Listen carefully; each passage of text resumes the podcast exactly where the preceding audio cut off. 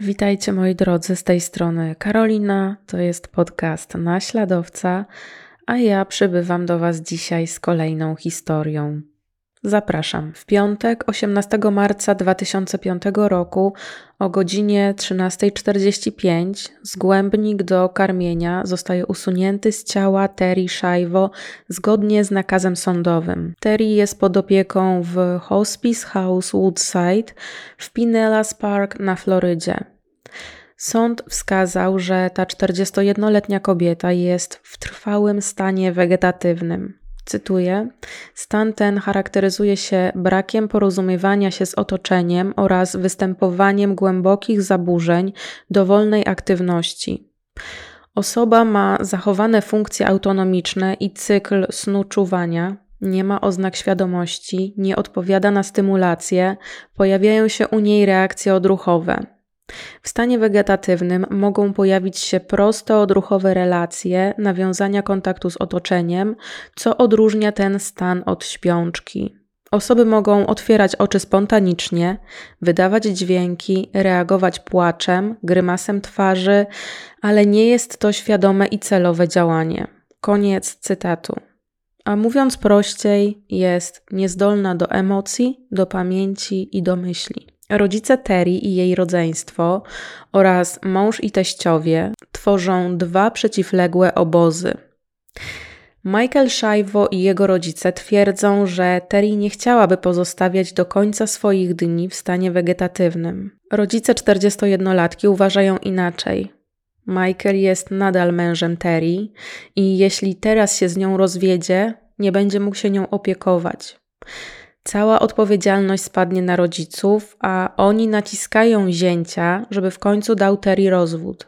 Wtedy przejmą całkowicie opiekę nad córką i będą ją utrzymywać przy życiu do dnia jej naturalnej śmierci. Zięć konsekwentnie odmawia. To, co może być problemem, to fakt, że Terry nie zostawiła żadnej dyspozycji na piśmie, tak więc ciężko powiedzieć, czego by sobie życzyła w takiej sytuacji. Walka sądowa między Michaelem Szajwo a rodziną Schindler na tę chwilę trwa ponad 12 lat. Od pierwszego procesu sędziowie orzekają konsekwentnie na korzyść męża. Do tego czasu zgłębnik był usuwany już trzy razy. Rodzice Terry zawsze argumentują, że usunięcie sądu do karmienia jest sprzeczne z naukami Kościoła, a ich córka jest praktykującą katoliczką. Prawnik Roberta i Mary Schindler dodaje, cytuję tutaj. Sąd nakazał jej nieposłuszeństwo wobec Kościoła, a nawet narażanie na niebezpieczeństwo jej wiecznej duszy. Koniec cytatu. Prawnik Michaela ma zgoła odmienne zdanie. Ponowne włożenie zgłębnika to wielokrotne, ponowne naruszanie ciała Terry. Od 1995 roku Michael jest w związku ze swoją narzeczoną Jodie Sentose, mają dwójkę dzieci. Od roku 1993 rodzina Szajwo naciska na Michaela, żeby rozwiódł się z Terry. Zięć konsekwentnie mówi nie. Usunięcie z głębnika Terry wychowuje dosłownie. Usunięcie z głębnika Terry wywołuje dosłownie polityczną burzę. Komisja Kongresu nakazuje stawić się Terry i Michaelowi Szajwo, lekarzom oraz innym pracownikom hospicjum przed nimi. Kolejnym pismem komisji jest prośba do sędziego George'a Greera o wstrzymanie się z nakazem usunięcia rurki do karmienia. Sędzia odrzuca oba wnioski komisji. Wnioski są składane nawet do Sądu Najwyższego Stanów Zjednoczonych. Każdy jeden zostaje odrzucony. Rodzice składają w Federalnym Sądzie Okręgowym petycję o nazwie Habeas Corpus. Jest to ustawa wydana w celu ochrony nietykalności osobistej jednostki przed samowolnym jej uwięzieniem, zabraniająca aresztowania obywatela bez nakazu sądu i zapewniająca postępowanie przed właściwym sądem. Petycja owa zostaje odrzucona. Krótko po usunięciu z głębnika Terry otrzymuje sakrament ostatniego namaszczenia.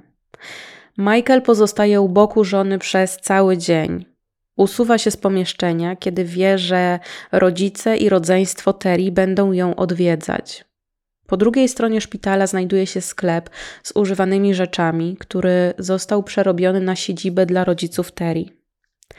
Większość protestujących zgromadzonych w okolicy szpitala popiera Schindlerów. Mijają kolejne dni. Szpital jest nadzorowany przez funkcjonariuszy policji. Mają oni za zadanie pilnować, żeby nikt nie próbował ani karmić, ani poić Terry. Rodzice mogą odwiedzać córkę tylko wtedy, kiedy zięć im na to pozwoli. Za każdym razem są dokładnie przeszukiwani, a ktokolwiek ma zbliżyć się do Terry, ma zakaz robienia zdjęć oraz nagrywania filmów konającej kobiecie. Senat Stanów Zjednoczonych udziela Izbie Reprezentantów formalnego zezwolenia na opracowanie projektu przepisów mających na celu ponowne założenie zgłębnika Terry. Po kilku godzinach debaty Izba Stanów Zjednoczonych z przewagą 203 do 58 uchwala kompromisową ustawę Senatu 686 w sprawie pomocy rodzicom Teresy Marii Szajwo. Prezydent George W. Bush wraca ze swojego rancha z Crawford w Teksasie, aby podpisać ustawę w Waszyngtonie. Po czterech dniach bez jedzenia i nawodnienia Robert Schindler opisuje córkę jako ospałą i poddenerwowaną. Jej skóra jest zapadnięta, jej oczodoły i zęby wystają, jej kości policzkowe dominują na jej twarzy. Sędzia James Whitmore odrzuca pilną prośbę Schindlerów o ponowne założenie zgłębnika. Schindlerowie składają kolejny pilny wniosek do Sądu Najwyższego Stanów Zjednoczonych. Gubernator Florydy Jeb Bush nakłania sędziego stanowego do wysłuchania wniosków na podstawie oświadczenia neurologa, który twierdzi, że Terry Szajwo nie jest w trwałym stanie wegetatywnym. Sędzia George Greer zakazuje zbliżania się przedstawicielom Departamentu do Spraw Dzieci i Rodzin na Florydzie do Terry, o co wnioskował gubernator Jeb Bush. Sędzia zakazuje ponownego założenia zgłębnika, odrzuca wniosek Departamentu o zbadanie nadużyć, jakie miałby się dopuszczać Michael. Odrzuca wniosek neurologa, który twierdzi, że Terry nie jest w trwałym stanie wegetatywnym. Po tygodniu od zaprzestania żywienia, Mary Schindler przestaje odwiedzać córkę. Nie może patrzeć na swoje dziecko, które jest głodzone na śmierć. Rodzice Terry składają kolejny wniosek do sędziego. Twierdzą, że córka powiedziała: Chcę żyć. Zbliża się Wielkanoc. Robert i Mary namawiają swoich wspierających, żeby oddalili się do swoich domów i świętowali ze swoimi rodzinami. 51 osób zostaje zatrzymanych za próbę dotarcia do pokoju Terry i podania jej jedzenia oraz wody. Na miejscu jest drużyna SWAT ze snajperem. Kapelan hospicjum próbuje podać pacjentce hospicjum komunię świętą. Jej język jest zbyt suchy, żeby mógł to zrobić. Sędzia Greer wydaje gubernatorowi Bushowi zakaz zbliżania się do pani Szajwo. Po dziesięciu dniach od zaprzestania karmienia Terry nie oddaje moczu, co jest oznaką niewydolności nerek. Personel medyczny podaje pacjentce morfinę w czopkach, a Schindlerowie obawiają się, że to przyspieszy śmierć ich córki. Michael na szybko zwołanej konferencji prasowej oczekuje przeprowadzenia sekcji zwłok po śmierci Terry. Schindlerowie wyczerpują wszystkie możliwości prawne, gdy zostaje odrzucony ich wniosek o ponowne rozpatrzenie sprawy, a Sąd Najwyższy Stanów Zjednoczonych odmawia rozpatrzenia apelacji w trybie pilnym. 31 marca o godzinie 9.06 Terry Szajwo umiera. W tym momencie są przy niej jej mąż, szwagier, dwoje prawników Michaela i pracownicy hospicjum. Schindlerowie proszą policję o opuszczenie pokoju, aby mogli spędzić trochę czasu z córką. Ich prośba zostaje odrzucona. Ciało Terry zostaje przewiezione do biura koronera hrabstwa Pinellas w celu przeprowadzenia sekcji zwłok. Po sekcji ciało Terry Szajwo zostaje przewiezione do Pensylwanii i poddane kremacji. Prochy zostaną złożone w lokalizacji znanej tylko Michaelowi. Mężczyzna zakazuje rodzinie Schindlerów uczestnictwa w pogrzebie córki. Nie powie im też, gdzie złoży jej prochy, chyba że sąd mu nakaże. Kiedy już wiemy, jak wyglądały ostatnie dni Terry Szajwo, czas, żebym opowiedziała Wam więcej, kim była ta kobieta i opowiedziała więcej, jakie wydarzenia spowodowały, że walczyła o swoje życie na oczach świata i jak doszło do tego, że znalazła się w hospicjum. Czy została zaatakowana przez swojego męża? Jeśli tak, to jakie miał pobudki? Albo czy przyczyną tego poważnego uszkodzenia mózgu i zatrzymania się akcji serca była bulimia? Terry Schindler na świecie pojawiła się 3 grudnia 1963 roku. Dorastała na przedmieściach Filadelfii. Była najstarszym dzieckiem Roberta i Mary Schindler. Miała dwoje rodzeństwa. Bobby jest młodszy od niej o rok, a Susan o trzy lata. Głowa rodziny ma swój biznes, dzięki któremu zarabia na tyle dobrze, że rodzinę Schindler moglibyśmy określić jako żyjących wygodnie przedstawicieli klasy średniej. Wśród osób sobie nieznanych Terry jest nieśmiała i wycofana, natomiast rozkwita w znanym sobie środowisku. Kocha zwierzęta. Zanim dostała swojego ukochanego labradora Bakiego, miała różnych przedstawicieli gryzoni, żółwie oraz rybki. Rodzice wychowują ją w wierze katolickiej. Chodzi do katolickiej szkoły. Co tydzień cała rodzina jest w kościele na mszy świętej. Jako nastolatka ważyła ponad 90 kg i, i, po ukończeniu szkoły średniej przeszła na program dietetyczny, którego założenia pozwoliły jej na schudnięcie prawie 30 kg. Jak zauważyli jej przyjaciele i rodzice, po zrzuceniu tych kilogramów Terry dosłownie rozkwita. Rok później, w 1982, na zajęciach z socjologii w koledżu poznaje Michaela Szajwo. To jej pierwszy chłopak. Na drugiej randce Michael daje Terry czerwoną różę i mówi, że chce się z nią ożenić. Przed spotkaniem Michaela Terry marzyła o ślubie wraz z przyjaciółką odwiedzały lokalne salony sukien ślubnych i na zmianę udawały, że są przyszłymi pannami młodymi. I tak właśnie spędzały czas, przymierzając suknie. Dla Terry w końcu ten dzień nadchodzi 10 listopada 1984 roku. Przyszły wybranek pochodzi z rodziny robotniczej i jest najmłodszym wśród pięciu synów swoich rodziców. Wychowany jako luteranin, na czas ślubu z Terry dostał dyspensę. Świeżo upieczona pani Szajwo pracuje jako przedstawiciel działu obsługi klienta dla firmy ubezpieczeniowej, zaś świeżo upieczony małżonek jest menadżerem w jednym z mm, McDonald'sów w Filadelfii. Wynajęli dom wolnostojący dla siebie w mieście, ale szybko okazało się, że no nie stać ich na taki wydatek, tak więc wprowadzają się do domu rodziców Terry i zamieszkują w piwnicy. W roku 1986 Robert i Mary przeprowadzają się do St. Petersburga na Florydzie. Schindlerowie pozwalają młodym zamieszkać razem z nimi, dopóki Michael nie znajdzie stałej pracy w nowym miejscu. Po kilku miesiącach życia razem z Terry i Michaelem, Robert i Mary kupili dom, i pozwolili młodej parze pozostać w mieszkaniu. W roku 1988 młodzi idą w końcu na swoje. Ich mieszkanie mieści się w północnej części Petersburga, około 20 minut drogi od domu Schindlerów. Terry nadal pracuje w tej samej firmie, tylko w oddziale na Florydzie, a Michael znajduje pracę w ekskluzywnej włoskiej restauracji. Tam piastuje stanowisko menedżera. Terry pracuje od poniedziałku do piątku od 7.30 do mniej więcej 15.15, a Michael pracuje nocami. I jeśli chodzi o sobotę 24 lutego 1990 roku, to Michael miał nie widzieć swojej żony rankiem tego dnia. Między małżeństwem miało też nie dojść do żadnej kłótni. Tego dnia po południu z Terry rozmawia jej przyjaciółka Jackie Rhodes. Dziewczyny rozmawiają o wizycie u fryzjera, o tym, że Michael był zły na Terry, że ta wydała 80 dolarów. Ogólnie przesłanie pani Szajwo jest takie: Jestem nieszczęśliwa w swoim małżeństwie i myślę o rozwodzie.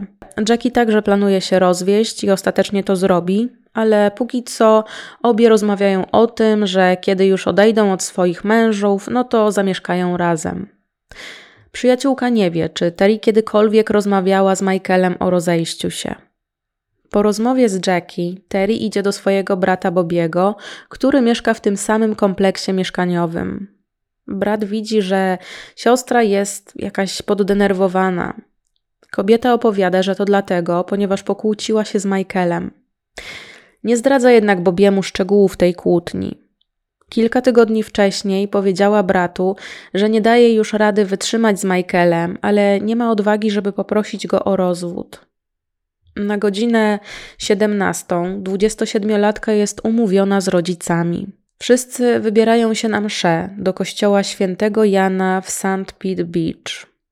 Po godzinnym nabożeństwie wszyscy udają się do domu przyjaciółki Fran Kleiser. Tego dnia w jej domu posiłek przyrządza jej przyjaciel, który jest szefem kuchni. Nikt nie pamięta, czy Terry po kolacji udała się do łazienki i jak długi czas tam spędziła. Tego wieczora ona nie pije alkoholu. Zwierza się matce, że ma problem z infekcją intymną. Mary sugeruje, żeby córka pojechała z nią i ojcem do domu i Terry spędza z rodzicami pół godziny. Nie przepada za jazdą samochodem po zmroku, dlatego też taki krótki czas wizyty. Mary przypomina córce, żeby kupiła po drodze w aptece leki, które, które ulżą w jej infekcji intymnej. W poniedziałek obie pójdą do nowego ginekologa. Do tej pory Terry jest e, pod stałą opieką lekarza, który przepisywał jej leki z progesteronem, ponieważ cykle miesiączkowe pacjentki są skąpe i nieregularne. 27-latka wyszła z domu rodziców o godzinie 20. Zanim dotarła do swojego mieszkania, spotkała się jeszcze przelotnie z bratem. Ten pyta ją, czy nie chce wyjść na miasto z nim i jego współlokatorem, natomiast Terry odmawia. Około 20.30 rozmawia przez telefon z Mary. Opowiada jej, że kupiła lek, ale jeszcze go nie zastosowała. Płacze i skarży się na dyskomfort w związku z drożdżycą. Matka radzi, żeby poszła spać. Poniedziałek odwiedzą ginekologa. Terry nie wspomina ani słowem o kłótni z Michaelem. W niedzielę rano w domu państwa Schindler rozbrzmiewa telefon. Robert po drugiej stronie słyszy zmartwiony głos Michaela. Terry zemdlała, a on nie może jej odsucić. Robert nakazuje mężczyźnie natychmiast zadzwonić pod numer alarmowy. W międzyczasie dzwoni też do swojego syna i mówi mu, że ma jak najszybciej pójść do domu siostry, że coś jest nie tak. Michael dzwoni pod numer 911 i zgłasza, że jego żona jest nieprzytomna i leży na podłodze w mieszkaniu. W domu państwa Szajwo światła świecą się prawie w każdym pomieszczeniu w łazience, na przedpokoju, w salonie, w kuchni. Bobiemu drzwi otwiera bardzo zdenerwowany Michael, potem usuwa się do salonu, siada na kanapie. Ciągle powtarza, że nie wie, co się stało. Terry leży twarzą w dół na podłodze, na przedpokoju obok łazienki. Prawym policzkiem dotyka podłogi. Ma zaciśnięte dłonie, które ułożone ma pod szyją.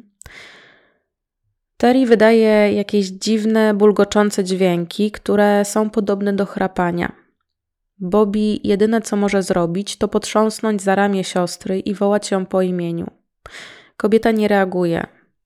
Kilka minut po wejściu Bobiego do mieszkania o godzinie 5.52 rano na miejscu pojawiają się ratownicy medyczni ze Straży Pożarnej w Sankt Petersburgu oraz pogotowie ratunkowe Sunstar Medic One.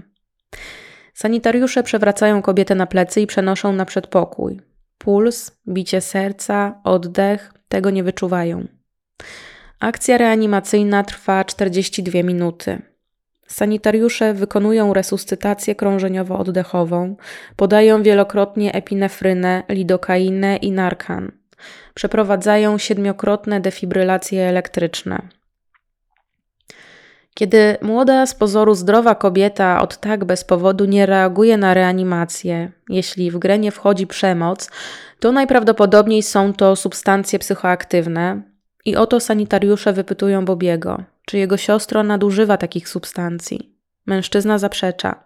Zaprzecza także, by Terry chorowała z powodu AIDS albo innych chorób przenoszonych drogą płciową. Ratownicy posuwają się nieomal do gruźb w stronę młodego mężczyzny. Są po prostu bardzo zdesperowani, ale to nie przybliża ich ani o krok do przywrócenia kobiecie świadomości. O godzinie 6.33 na 9 Street North 12201 do apartamentu numer 2210 przybywa dwóch policjantów. Ratownicy medyczni transportują kobietę do szpitala, a akcja reanimacyjna jest wykonywana także na schodach budynku. Karetka z Terry i jej bratem odjeżdża w stronę szpitala Human, Human Northside. I tam pani Szajwo znajduje się 13 minut później. W szpitalu jej serce znów przestaje bić. Lekarze podają jej więcej leków, dzięki temu udaje im się przywrócić pracę serca. Serce nie bije równomiernie, wykazuje objawy częstych skurczy przedsionków. Oprócz tego jej ciśnienie krwi jest mocno obniżone. Początkowo lekarze nie wiedzą, co mogło spowodować te dwa objawy. To, co widzą na pierwszy rzut oka, to kobieta w sile wieku, która cierpi na, na niedotlenienie mózgu, zatrzymanie krążenia i oddychania. Badanie krwi wyklucza, że Terry jest pod wpływem jakichkolwiek substancji odurzających. Nie ma też ani promila alkoholu. Natomiast to, co wykazuje, to duży niedobór potasu, hipoglikemię oraz niski poziom albuminy. Robert i Mary przybywają do szpitala o 7 rano, a siostra Terry półtorej godziny później. W szpitalu jest Michael i to z nim jako pierwszym rozmawiają policjanci. Z pracy wraca o drugiej w nocy. Będąc już w łóżku, mówi Terry dobranoc, a ta całuje go i tak kończy się dla Michaela sobota. Około 2,5 godziny później mężczyznę budzi jakiś łomot. Początkowo myśli, że to jego żona upadła i wstaje z łóżka, aby to sprawdzić. Znajduje ją nieprzytomną na podłodze i wzywa sanitariuszy. Nie wie, czemu Terry upadła. Nie mieli problemów małżeńskich. Żona nie chciała odebrać sobie życia. Była ostatnio osłabiona, była zmęczona, źle się czuła, miała swoje tak zwane kobiece problemy, ale regularnie odwiedzała ginekologa. Policjanci na chwilę obecną widzą jedyne wyjaśnienie stanu kobiety albo w przemocy domowej, albo nadużywaniu substancji psychoaktywnych. Wyniki tomografii komputerowej nie wskazują, by stan Terry spowodowany był jakimkolwiek uderzeniem. Policjanci nie sfotografowali jednak miejsca zdarzenia, nikt nie zabrał jakichkolwiek dowodów. Jeden z funkcjonariuszy daje Michaelowi swoją wizytówkę i prosi o informację, gdyby stan kobiety uległ poprawie. Lekarze wprowadzają na stałe do ciała kobiety rurkę tracheostomijną i podłączają ją do respiratora. Ma niekontrolowane drgawki i wymaga transfuzji krwi. Przechodzi infekcję gronkowcem i zapalenie płuc. Lekarze informują rodzinę, która ciągle przybywa w szpitalu, że ich najbliższa doznała rozległego uszkodzenia mózgu w związku z długotrwałym brakiem tlenu. Po kilku dniach na ojomie wykazywała pewną poprawę, co pozwoliło na odłączenie jej od respiratora i umieszczenie w oddzielnym pokoju. Żaden lekarz nie wiedział, co się właściwie stało. Pomimo tych drobnych oznak poprawy, jest jeszcze za wcześnie, żeby dać gwarancję, że Terry z tego wyjdzie. Nawet jeśli wyjdzie, nikt nie wie w jakim stanie.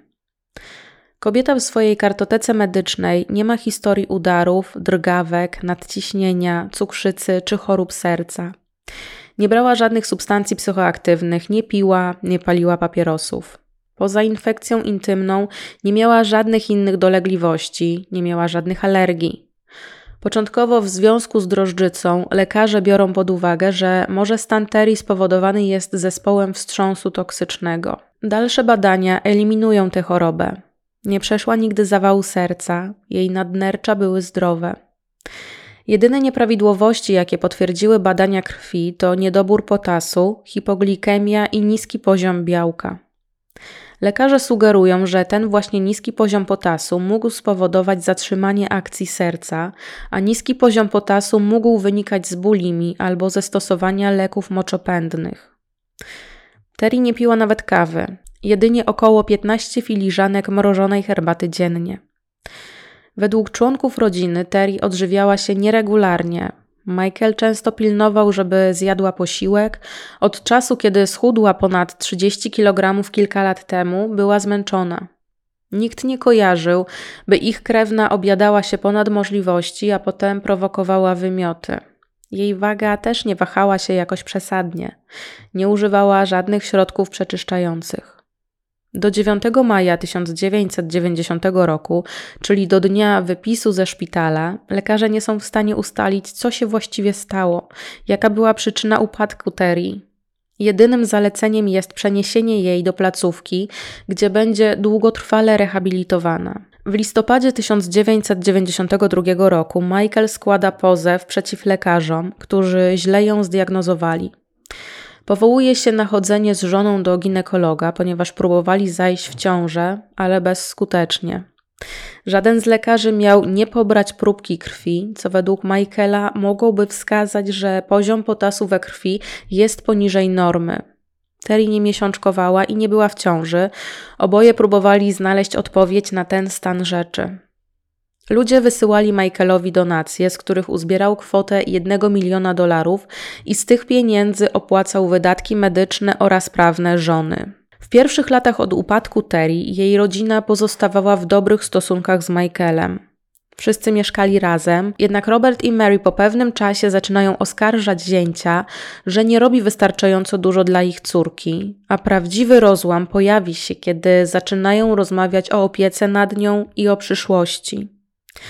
W roku 1994 Michael otwarcie mówi, że nie wierzy w to, że Terry wyzdrowieje, a także, że wie, że ona nie chciałaby żyć w takim stanie. Michael prosi o zaprzestanie leczenia infekcji atakujących ciało żony. Część personelu medycznego i rodzice sprzeciwiają się woli męża i kontynuują leczenie.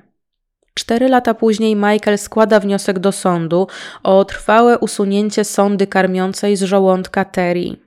Sędzia orzeka, że kobieta jest cały czas w stanie wegetatywnym i szanse na wyzdrowienie są bliskie zeru.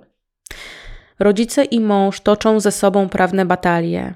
Michael musi się przeprowadzić. Kilkukrotnie obrońcy życia grozili mu osobiście, grozili mu listownie oraz mailowo. W pewnym momencie rodzice Terry mieli mu zaoferować kwotę 700 tysięcy dolarów za odpuszczenie i zostawienie życia żony w ich rękach.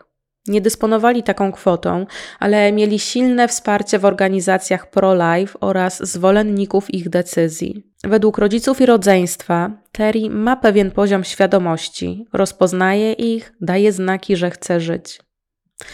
W marcu 2000 roku rodzice złożyli wniosek do sądu o możliwość karmienia córki ręcznie, co według prawa stanu Floryda nie było uważane jako środek przedłużający życie.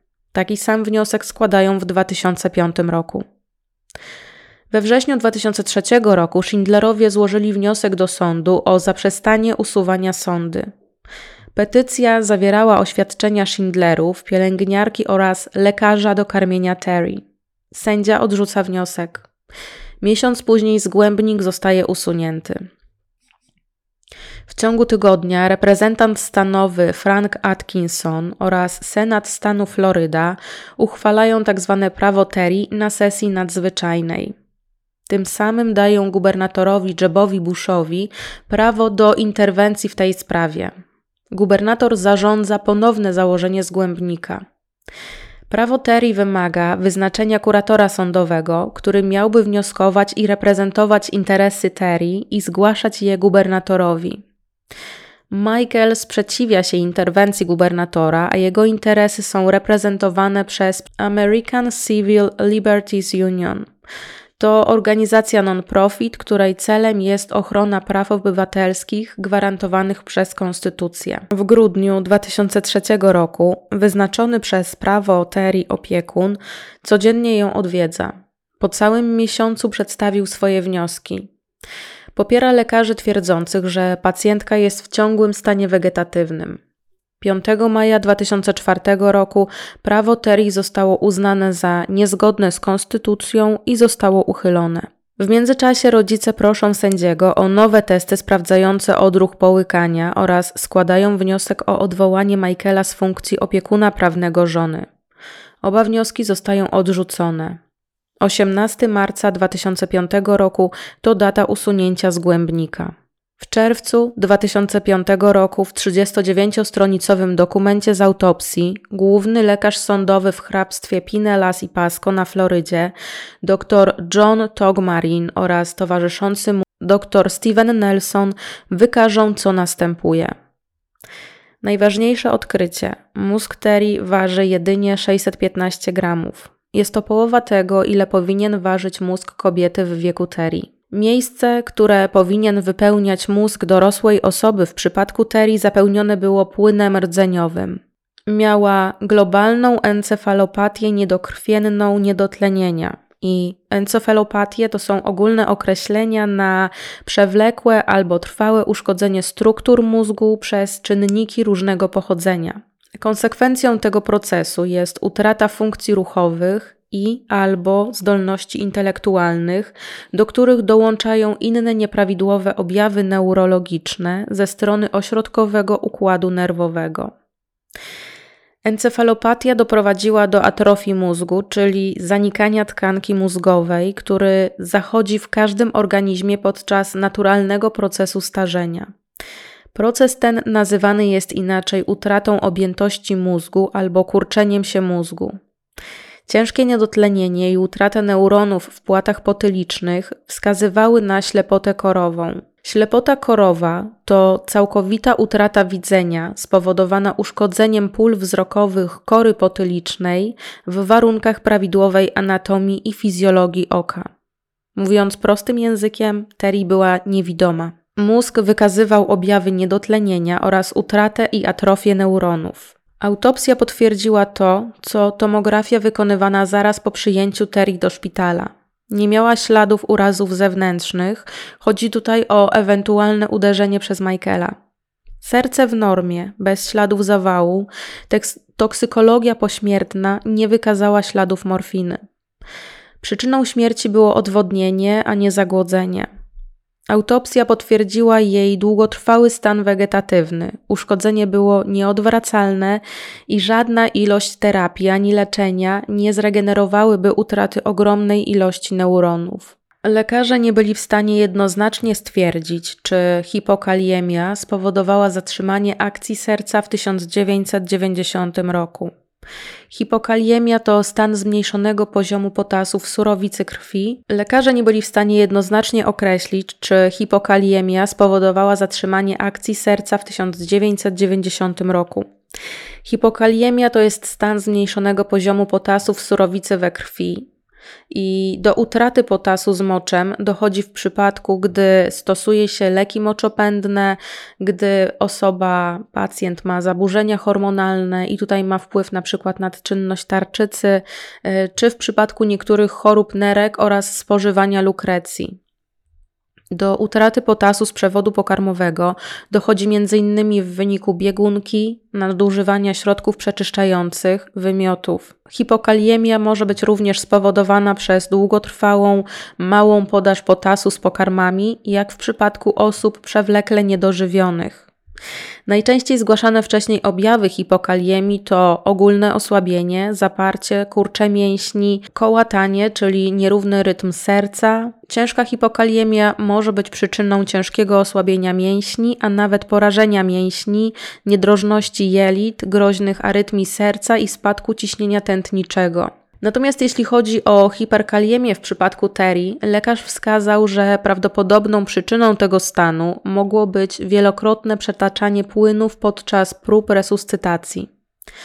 Latami rodzice Terry forsowali teorię, że to Michael jest odpowiedzialny za stan żony tamtego dnia, ponieważ miał ją udusić i miał ją pobić. Wyniki autopsji nie potwierdziły tych zarzutów. Wyniki autopsji nie zmieniły przekonania prezydenta George'a W. Busha, że sonda do karmienia pani Szajwo nie powinna była zostać usunięta. Michael Szajwo wielokrotnie zabierał żonę do specjalistów z Kalifornii. Tam lekarze próbowali wszczepić Terry elektrody, które miałyby stymulować aktywność w jej mózgu. Kiedy to nie przyniosło spodziewanych efektów, zabrał kobietę do kliniki rehabilitacyjnej specjalizującej się w urazach mózgu i kręgosłupa. Tutaj także nikt nie mógł jej pomóc, pomimo olbrzymiego zaangażowania. Michael pracował także z doradcą, który zabierał Terry do centrów handlowych, do parków, do muzeów, w nadziei, że w końcu coś wywoła impuls w jej mózgu. Pielęgniarki przeprowadzały testy połykania na wypadek, gdyby tracheostomia miała zostać kiedyś usunięta. Jeśli chodzi o test połykania, to Terry nigdy nie reagowała. Pod koniec stycznia 2006 roku dotychczasowa partnerka wychodzi za mąż za swojego chłopaka Michaela Szajwo.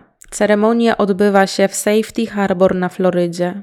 Para poznała się, kiedy Terry już przebywała w hospicjum, także możemy wykluczyć motyw chęci pozbycia się żony, żeby zrobić e, w życiu Michaela miejsce dla kobiety numer dwa. Michael wielokrotnie mówił, że mógłby rozwieść się z Terry już wcześniej i poślubić Jodie. Nie zrobił tego, ponieważ wtedy mógłby przestać być opiekunem prawnym żony. Jeśli chodzi o Jodie, to ona bardzo często odwiedzała z Michaelem Terry. To jest koniec, moi drodzy, dzisiejszej historii, być może nieco mniej kryminalna niż zazwyczaj. Dziękuję Wam za wysłuchanie historii i w zasadzie jestem ciekawa, czy słyszeliście o tej sprawie i co sądzicie, co mogło wywołać stan Terry. Bardzo chętnie poczytam o tym w komentarzu, a tymczasem do jutra, do godziny 20 słyszymy się w kolejnej historii. Pa, pa.